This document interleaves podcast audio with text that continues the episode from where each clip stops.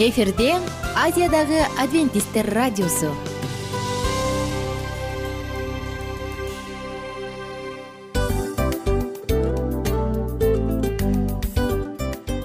Достор салют. Баардык сүйүктүү угармандарыбызга салам айтабыз. Кутман күнүңүздөр менен. Ден соолук өмүрдүн булагы демекчи саламат саамы программасында баарыңыздарды көргөнүбүзгө абдан кубанычтабыз. Анда алгач амандашып өтөлү арбаңыздар деп. Ден соолугуңуздар кандай элибизде көбүнчө ден соолук кандай дегенде эле жакшы деп жооп беребиз э ооруп турсак дагы жакшы дейбиз. Анан мен муну айтып ойлойт элем бул абдан сонун сөз депчи анткени бул жакшы деген үмүт да э ооба. баары жакшы болот баары сонун. Деп үмүттөнүп атып эле өзүбүздү өзүбүз дарылап коебуз. Анысы кандай? Сиздин дагы ден соолугуңуз жакшы беш деген үмүттөбүз чындыгында ден соолук бул өмүрдүн булагы деп бекеринен айтылган эмес деп ойлойм. Кыргыз элинде анткени эгерде ден соолук жок болсо анда адамдын жашоосунда калган баардык керектүү маңыздуу нерселер өзүнүн баалуулугун жоготуп коет. Ошондуктан ден соолук бул эң керектүү нерсе. Ооба туура айтасың кесиптешим. Чынында ден соолугуң жок бир эки үч күн ооруп калсаң эле э кандай болуп калат? Жашоодо көз каранды болуп каласың көп нерсеге жетишпей каласың көп нерсени кыла албай каласың жада калса эшикке дүкөнгө да чыга албай каласың. Туптуура анан ден соолук болсо демек биз биздин бактыбыз тоодой деп койсок болот. Анда достор саламат саамы рубрикабызды баштайлы. Алдыда өзүңүзгө керектүү болгон сонун кеңештерди уга аласыздар. Мына ошондуктан биз менен бирге болуңуздар. Ал эми биз болсо милан жана айнура.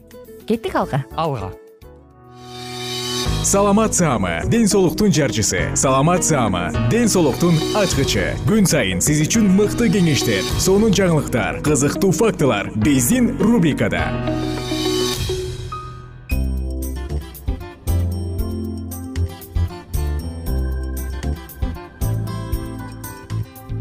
Кымбаттуу досторум сиздер менен амандашып биз саламат саама рубрикасын улантабыз жана сиздер менен бирге бүгүнкү темабыз боор ооруларындан табигый ыкмалар менен ага жардам берүү деп аталат. Бооруңуз ооруп жатса демек бизде угуңуз.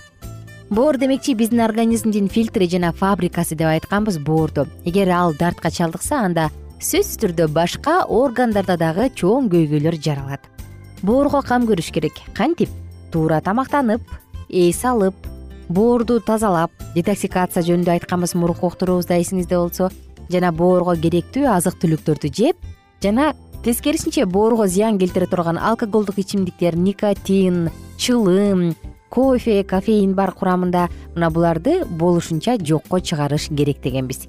Эми болсо бүгүн достор бүгүнкү темабыз эгерде боор ооруп жатса табигый кандай ыкмалар менен анын оорулуусун оорусун төмөндөтсө болот? Мына ушул жөнүндө сөз кылалы.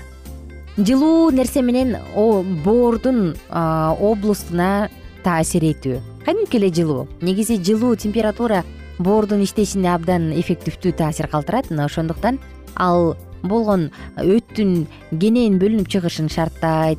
Ал каналдардын баардыгын тең бошоңдотот жана спазмалардын баардыгын тең жокко чыгарат. Ошондуктан жылуу нерсе менен боорго таасир этиш керек. Жылуу дегенде эле эмне биринчи эле кезекте таң калышыңыз мүмкүн бирок кадимки эле күн. Ооба достор бул күндүн жардамы менен боорду жылытуу. Болгону гана он беш мүнөттөн жыйырма мүнөткө чейинки убакыт жетиштүү бул учурда сиз кийимиңизди өйдө карай көтөрүп боор жакты боордун облустун күндүн нуруна тоозуңуз колдон келишинче күн ортосунда болгон жакшы аба жакшы жылып калган кезде. Анан эгерде эшикке чыгып алып дардайып курсакты ачкандан уялсаңыз анда жөн гана терезенин жанына туруп алып туруп анан үйдүн ичинен эле жасасаңыз болот бул учурда күндүн нурунан башыңызды жана төшүңүздү коргогонду унутпаңыз. Кийинки кезекте боорго коюла турган компресс он беш мүнөт гана убакыт жетиштүү мында чүпүрөктү ысык сууга бир сыйра салып чылап алыңыз дагы сыгып алып туруп анан бөйрөк жакка коюңуз. Бул тууралуу биз мурунку уктурууларда дагы сөз кылганбыз эсиңизде болсо. Маны дагы бир эске салып коелу кийинкиси дагы кандай ысык менен биз таасир кылтара алабыз? Ысык баткак же припарка деп коет эмеспизби дал ушул ысык баткактар менен припарка жасоо. Бир эки саатка чейин боор тарапка коюлат андан кийин алып саласыз. Жана ошондой эле кийинкиси бул боор тарапка жасалуучу жылытуучу компресстер кадимки эле суун чүпүрөктү муздак сууга чылап алыңыз аны катуу сыгыңыз. Андан кийин боор жакка коюңуз дагы жылуу одеял менен жаап жатыңыз. Бир аздан кийин жылуулук өтө баштайт. Мына ушундай учурга чейин жатыңыз. Мындай компрессти түнү менен калтырып койсоңуз болот. Андан да кызыгын айтып берели бул жашоонун ваннасы деп аталат. Таң калыштуу э жашоонун ваннасы деп аталат. Бул белден ылдый карай жасалуучу компресстердин бири же ванналардын бири. Муну керек болсо ваннага жатып алып дагы жасаса болот. Жыйырманчы кылымдардагы жашаган адриана вандердин доктор адриана болгон бул вандердин жардамы менен дал ушул адамдын эмгегине жараша. Дал ушул жашоо ваннасы европада батыш өлкөлөрүндө кеңири таркалган жыйырманчы кылымдын ортолорунда. Ал ушундай бир энтузиазм менен жашоонун ваннасын колдонгула. Бул бүт денени айыктырат жана бекемдейт деп адамдардын баардыгына жар салып келген. Жашоонун ваннасы кандай таасир калтырат жана эмне кылат? Бул албетте курсактын терисине абдан таасир калтырат анда рефлексти чакырат жана ошондой эле кан айланууну жакшыртат. Бир гана боор эмес баардык ички органдарда. Жана биринчи кезекте боордо кан айланууну жакшыртат. Ошондой эле достор жашоонун ваннасы өттүн көбүрөөк иштеп чыгышына боордун тазаланышына жакшы шарт түзөт.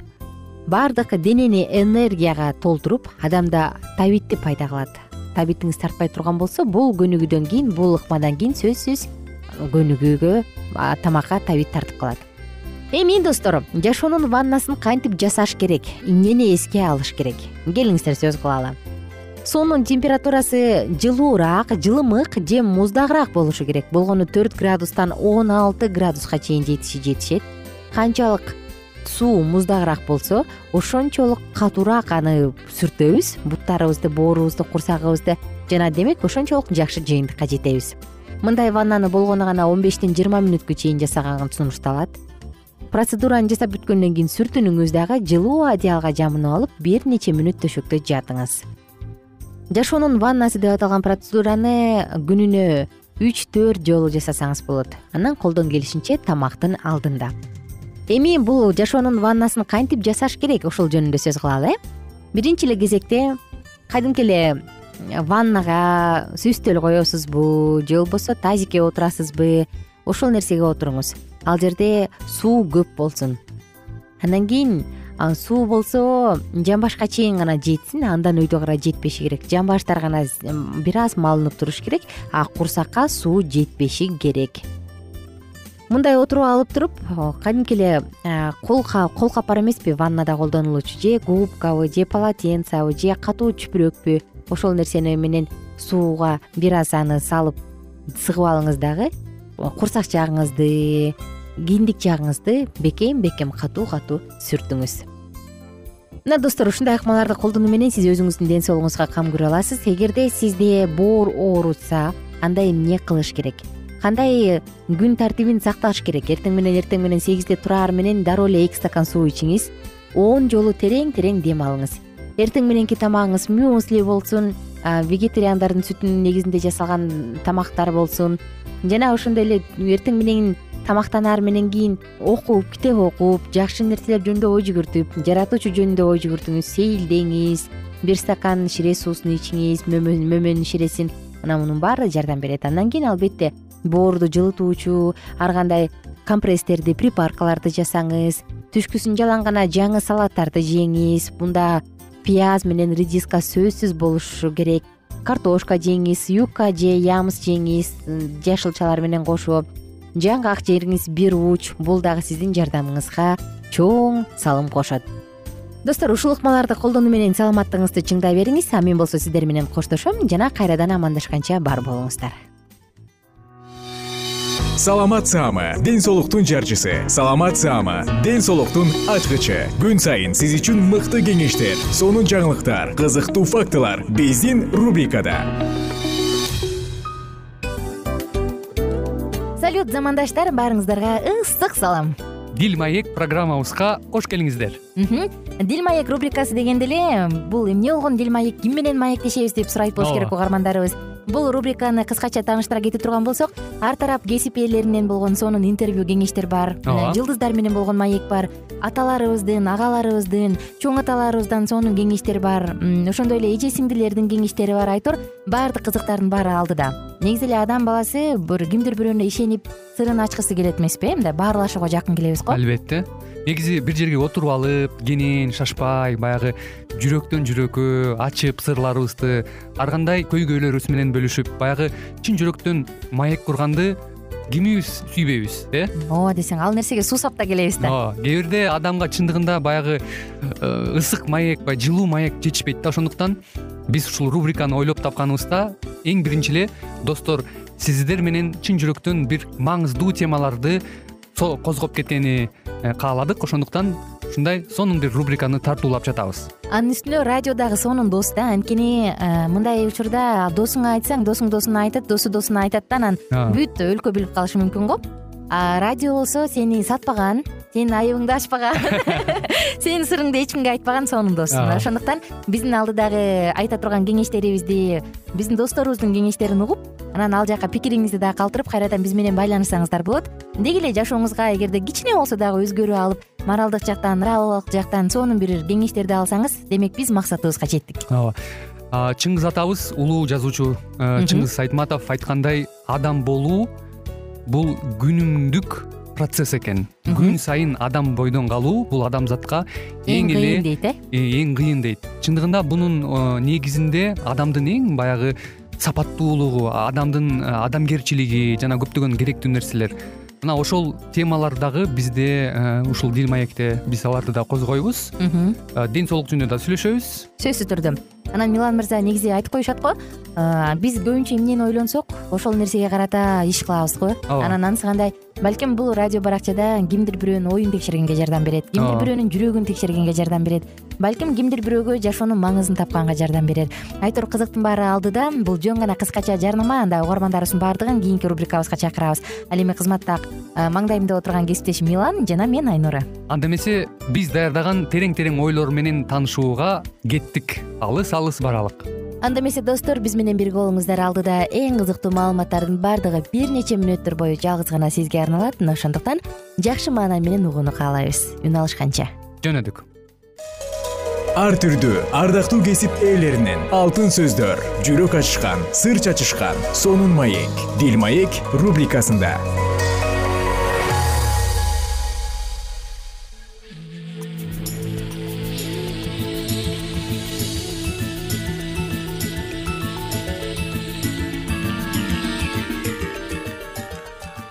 кутмандуу күнүңүздөр менен кымбаттуу радио угармандарыбыз кайрадан эле биз сиздер менен бактылуу никенин баалуу эрежелери аттуу уктуруубузду баштайбыз. Бүгүнкү программабыздын чыгарылышында жана ошондой эле бүгүнкү программабыздын орчундуу темасы бул бала тарбиялоо жаатына багытталмакчы. Тактап айтканда баланын эрте өнүгүшүнө ата эненин салымы кандай болуш керек? Ушул туурасында кеп кылмакчыбыз.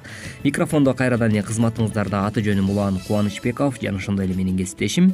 Саламатсыңарбы жана мен асель мамбетова урматтуу угармандар баланын эрте өнүгүшүнө сиз кандай салым кошо аласыз? Бул жаатта адатта дүйнөлүк окумуштуулар э, мындай изилдөөлөрдү жүргүзүп өтүшкөн. Тактап айтканда үч жашка чейин өнүп өсүгүшү зор мааниге ээ экендигин далилдешкен.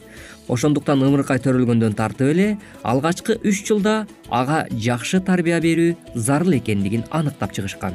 Ошондой эле сиздин балаңыз өмүрүнүн биринчи жылдарында эле тамга таанып окуп калганы бир башка мааниге. Ээ анын мааниси баланын өз алдынча китеп окуй баштаганында эмес. Кеп баланын өз алдынча ой жүгүртүүсүн өнүктүрүүсүн камсыздоо болуп саналат.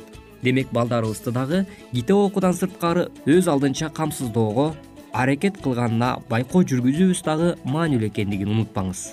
Демек бул жаатта урматтуу угарманыбыз баланын эрте өнүгүшү деген эмне деген дагы суроо жаралышы мүмкүн демек мындай суроого жооп издөөгө аракет кылып көрөлү. Эрте өнүгүү деген кичинекей баланын эрте өнүгүшү эле эмес. Мектепке чейин эле бала менен иштөөнүн иш чаралары. Эрте өнүгүү дегенде баланын тигил же бул жөндөмүн. Сиз мурун кабыл алып келген. Жашынын эрте өнүгүп өстүрүү дегенди түшүндүрбөш керек. Баланын мындай тарбия алышын азыркы учкул заман талап кылууда андыктан дайыма алдыга умтулуп жашаганды жакшы көргөн. Мисалы москвалыктар.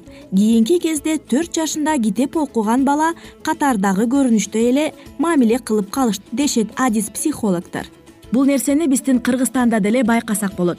Биз биринчи класска барганда араң ошояктан тамга таанычыбыз. Азыр болсо биринчи класстагы бала бир нече сөздү окуш керек экен албетте жашоонун э, баягы глобалдашуу агымында жашап жаткан соң бүтүндөй дүйнө демек э, бүгүнкү э, биздин жаш муундардагы замандан артта калбаш үчүн биздин бүгүнкү күндө өсүп келе жаткан жаш муундар сөзсүз түрдө интеллектуалдык жактан дагы өнүгүүсү абдан маанилүү болуп жаткандыгы демек баардыгыбызга белгилүү эмеспи андыктан урматтуу радио кугармандар сөзсүз түрдө балдарыбызды тамга таанытып эле аларды окутуп эле койбостон алар дал ошол ар бир сөздүн үстүнөн эмне жөнүндө окуп жаткандыгын э, түшүнө билгенге дагы э, акыл ойлорун өөрчүткөндүгү дагы абдан маанилүү экендигин адистер бүгүнкү күндө э, сунуш кылып келишет экен.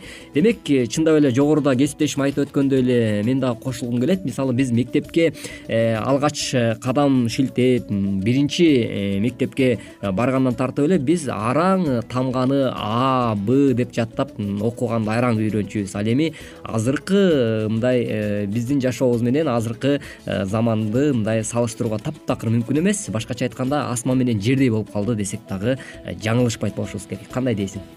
Туура азыркы заман чын эле ушунчалык тездик менен өнүгүп бара жатат. Андыктан биздин апаларыбыз мисалы сенсордук телефонду такыр эле түшүнүшпөйт. Бирок биздин балдарыбыз ал сенсорный телефонду семичке чаккандай эле чагып коет бир заматта ооба сөзсүз түрдө ал эми мисалы ушул нерсеге даярданышат дагы менде э, өзүмдүн жашоомон дагы айта кетсем болот. Э, менин балам азыр биринчи класска сабакка барат кесиптеш анан э, ушул программаны даярдап жаткан алдында эки күн мурда эле биз үйдөн талкуу жүргүзүп калдык. Анан балам айтып калды мугалим айтты дейт ушу окуп китепти азыр аябай жакшы окуйт. Кадимкидей эле чоң адамдай эле окуйт да. Анан биринчи класска барып кадимкидей уже төртүнчү бешинчи класстын баласындай эле китеп окуганына аябай таң калам анан андан сырткары дагы э, ошол окуп анан э, эмки жумада ушу биз экзамен беребиз дейт да мектептен кадимкидей эле окуп анан ошону эмне кандай түшүндүм ошол жактагы мисалы окуп аткан э, каармандар жөнүндө кадимкидей айтып берем дейт. Анан аябай таң калып жатам да мен ушунчалык мындай балдардын азыр темпи ушунчалык өнүгүп атканын көрүп кээде бир чети сыймыктанасың бир чети аябай таң калыштуу десең болот чын эле азыркы биринчи класстагы балдар окуганды уже билиш керек экен ал бир нече сөз окуш керек экен анан дагы жазыш керек экен. Анан анын ой жүгүртүүсү дагы такыр башкача экен да. Элестетип көрсөң э, ошол биринчи класстагы бала ушундай болсо бул эмки поколение кандай болот анда таптакыр эле? Мындай элестете албайм да. Андыктан чын эле биз балабызды бирок ушу менен эле чектеп калбастан анын жүрөгүндө эмне бар анын оюнда эмне бар? Бул дайыма эле сен ушундай боло бербейт жашоодо мындай жашоонун ачуусу дагы бар таттуусу дагы бар дегендей бир ар бир баланы биз мындай туура ой жүгүрткөнгө дагы үйрөтүшүбүз керек да албетте ардактуу ата энелер бирок биз жашоонун агымы менен сөзсүз түрдө баягы жашоо канчалык агым э, ушунчалык тездик менен өйткөн сайын биздин балдарыбыз да ал нерседен артта калбай кошо тең тайлашып э, бир агым менен акканы албетте жакшы көрүнүш болгону менен бирок э, жаман жактары дагы бүгүнкү күндө кесепетин тийгизип жатканын ар бир эле инсан баамдап жатса керек. Андыктан биз ошол жогоруда кесиптешим айтып өткөндөй эле окуганы абдан жакшы мисалы билгени жакшы бирок ошол окуп жаткан нерсенин маалыматка ээ болуудан сырткары дагы жөн эле баягы тарбия жагынан кандай болуп жатат? Ошол жактары бүгүнкү күндө эмнегедир мындай коомчулукта аксап жаткандай да канчалык мисалы мисалы адамдын э, ушунчалык акыл эси өнүккөнү менен бирок э, тилекке каршы баягы э, тарбиялык жагы мындай өкүттөө калып бараткандай да кээде чын эле адамгерчилик жокко эсе билинип калат да бул жашоо каяка баратат деп мен кээде коркуп да кетем да ооба чындап эле жогоруда кесиптешим айтып өткөндөй эле канчалык бүгүнкү күндө адамдардын акыл аң сезими өнүккөнү менен бирок тилекке каршы э, баягы маданияттуулук же болбосо ыймандуулук ынсаптуулук деген нерсе э, үчүнчү төртүнчү планда калып калгандай э, сезилип кетет кээде. Андыктан биз ушул нерселерди дагы эске алып жана балдарыбызды окуп өнүктүрүү менен эле чектеп койбостон аларды дагы ыймандуулукка жана сөзсүз түрдө адамгерчиликтүү болууга дагы тарбиялаганыбыз абдан маанилүү экен. Ошондуктан урматтуу угармандар бүгүнкү программабыздын темасы биз балдардын эрте өнүгүшүндө ата эне кандай салымын кошо билиш керек? ушул туурасында сөз кылдык. Андыктан урматтуу угармандар кайрадан биз сиздер менен бактылуу никенин баалуу эрежелери аттуу уктуруубуздан кезишкенче аман туруңуз. Ар түрдүү ардактуу кесип ээлеринен алтын сөздөр жүрөк ачышкан сыр чачышкан сонун маек дил маек рубрикасында жан дүйнөңдү байыткан жүрөгүңдү азыктанткан жашооңо маңыз тартуулаган жан азык рубрикасы.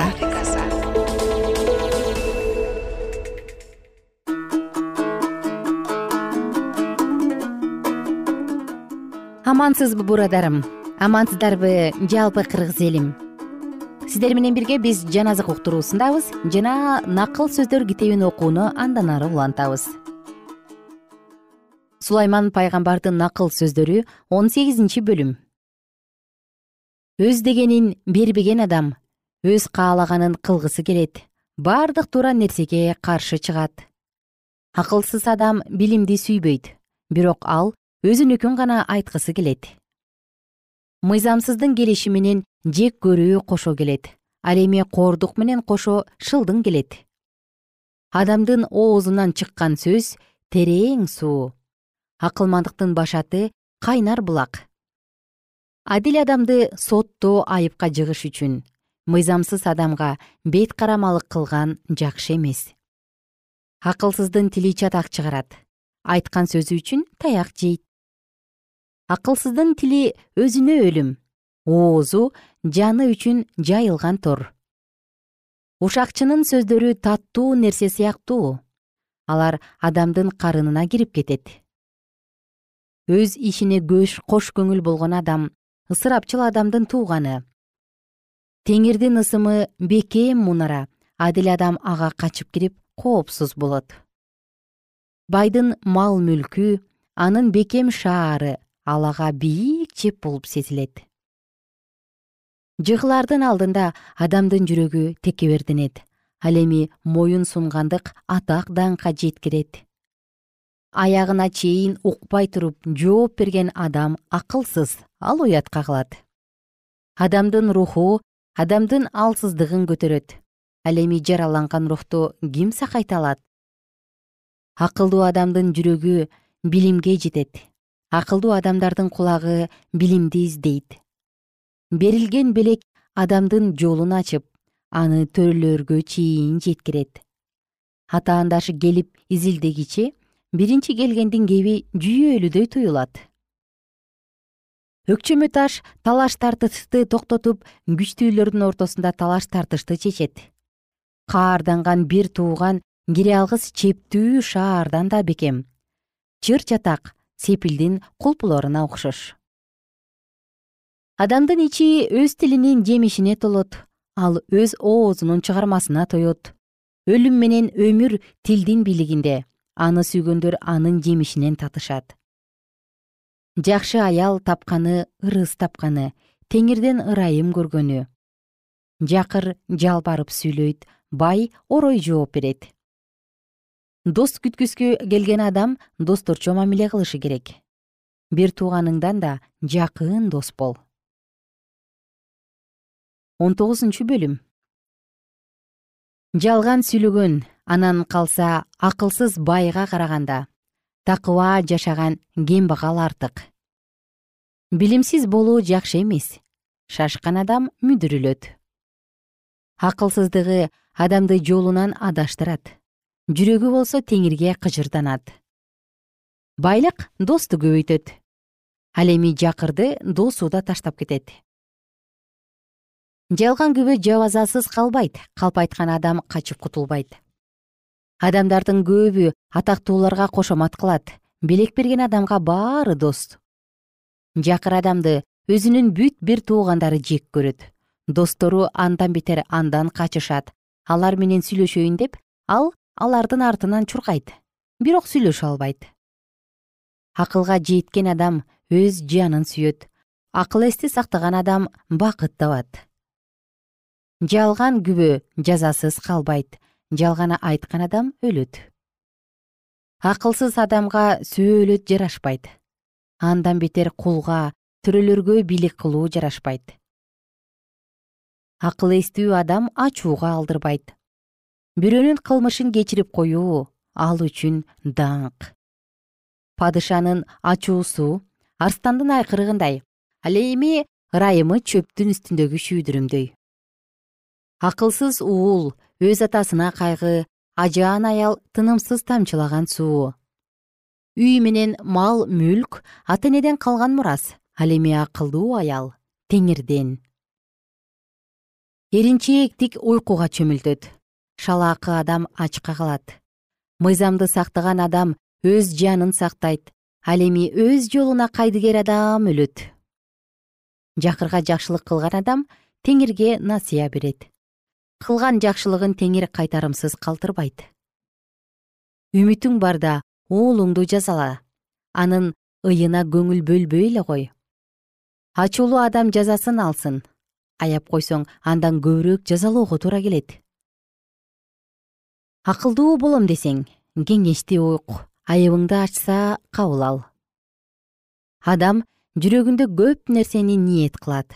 Бирок теңирдин белгилеп койгону гана ишке ашат кайрымдуулугу адамга кубаныч алып келет. Калпычы адамга караганда жарды адам артык. Теңирден коркуу өмүргө алып барат. Теңирден корккон адам дайыма ыраазы болот. Анын башына жамандык келбейт. Эринчээк адам колун чөйчөккө салат да аны оозуна жеткиргиси келбейт. Шылдыңчыл адамды жазаласаң жөнөкөй адам да эстүү болуп калат акылдуу адамдын айыбын ачсаң ал акыл насаатты түшүнөт. Абийири жок. Уятсыз уул атасынын мүлкүн чачып энесин үйдөн кууп чыгарат. Уулум насаат сөздөн четтөөнү үгүттөгөндөрдү укканыңды токтот. Жалган күбө акыйкаттыкты шылдың кылат мыйзамсыз адамдардын оозу жалганды жутат. Шылдыңчыл адамдарга жаза акылсыз адамдарга токмок даяр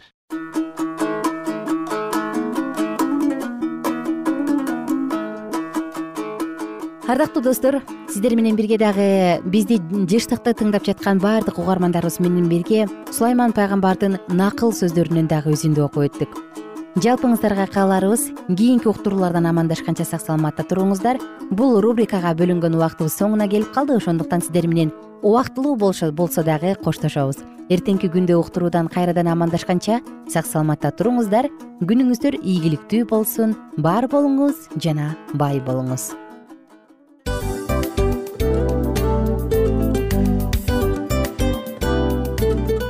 Ушул менен достор программабыздын уктуруубуздун эң кайгылуу мөөнөтүнө келип жеттик.